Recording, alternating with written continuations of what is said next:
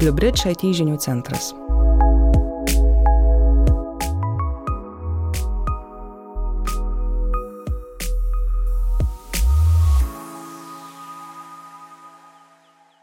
Didėjantis kibernetinio saugumo iššūkiai verčia IT specialistus keisti profesiją. Antra dalis. Stresas, kurį išgyveno saugumo specialistai, panašus į sėdėjimą ant paroko statinės laukiant sprogimo. Kaip pastebi Logrim Labs viceprezidentas Andrew Hollister, būtent kibernetinės atakos laukimas išsekina IT ir saugumo specialistus kur kas labiau nei dorojimasis su jau vykstančia ataka. Šią stresinę situaciją dar labiau pablogina prasta vadyba, lyderystės toko komandoje ir vadovybės palaikymo nebuvimas. Atskleidė Logarithm Labs tyrimė dalyvavę saugumo specialistai. Savo tyrimę bandėme išsiaiškinti, ar vadovai yra kalti dėl to, kaip jaučiasi saugumo komanda. Daugiausiai net 42 procentai tyrimę dalyvavusių specialistų pripažino, kad keistų darbą, jeigu pajaustų, kad aukščiausi vadovai nesijaučia atsakingi už strateginius klausimus susijusius su saugumu, sako Andrew Hollister. Jis pabrėžia, kad būtent aukščiausių vadovų palaikymas saugumo komandai gali turėti didžiausią įtaką tam, kaip jaučiasi ir kiek efektyviai dirba profesionalai atsakingi už organizacijos saugumą. Saugumą mato kaip mokestį, o ne galimybę.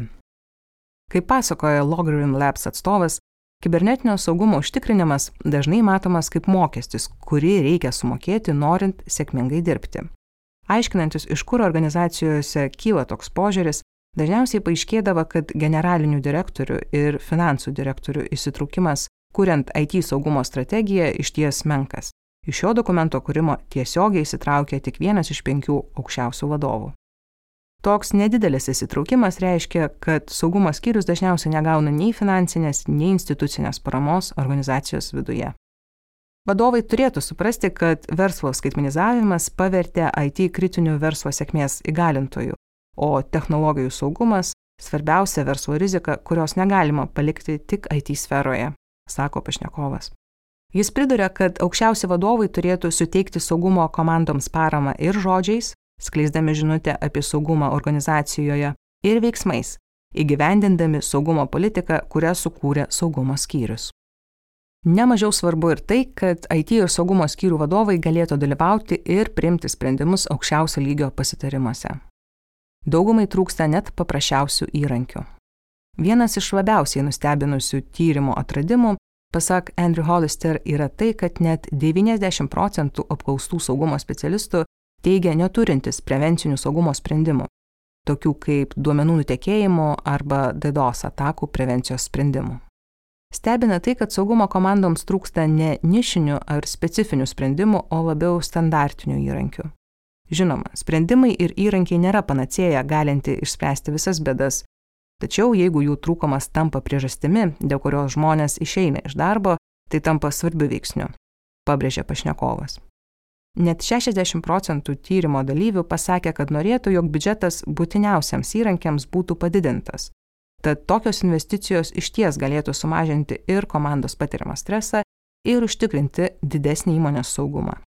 Tyrimas taip pat parodė, kad konsoliduoti saugumo sprendimai esmingai palengvintų saugumo specialistų kasdienį darbą.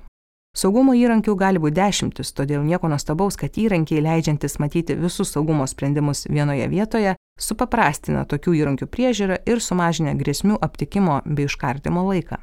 Negalima pamiršti ir to, kad kuo mažiau įrankių reikia prižiūrėti, tuo mažiau pinigų išleidžiama, sako Andrew Hollister. Turint pažangesnės sistemas, vertė verslui būtų akivaizdesnė. Tačiau saugumo komandoms trūksta ir sudėtingesnių kritinės reikšmės sprendimų.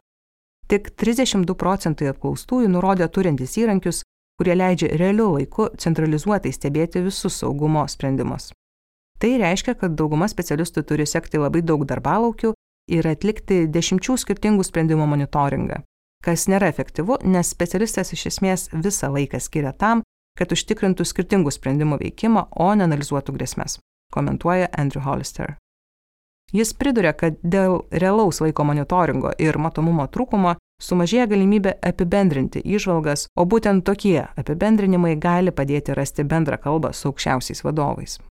Saugumo komandoms reikia metrikų, kurios būtų suprantamos verslui, kuriuose matytųsi investicijų į saugumo graža, naujų verslo galimybių įgalinimas per saugumą ir kiekybiškai mažėjančios rizikos, vardė pašnekovas.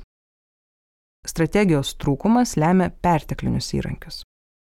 Dar viena išvalga, kurią pateikė tyrimo rezultatai, yra tai, kad neretai saugumo komandos susiduria su situacija, kai turimi produktai ir sprendimai sprendžia tas pačias problemas, tačiau neužkamšo visų saugumo spragų. Kaip pastebi pašnekovas, natūralu, kad skirtingų produktų funkcijos persidengia.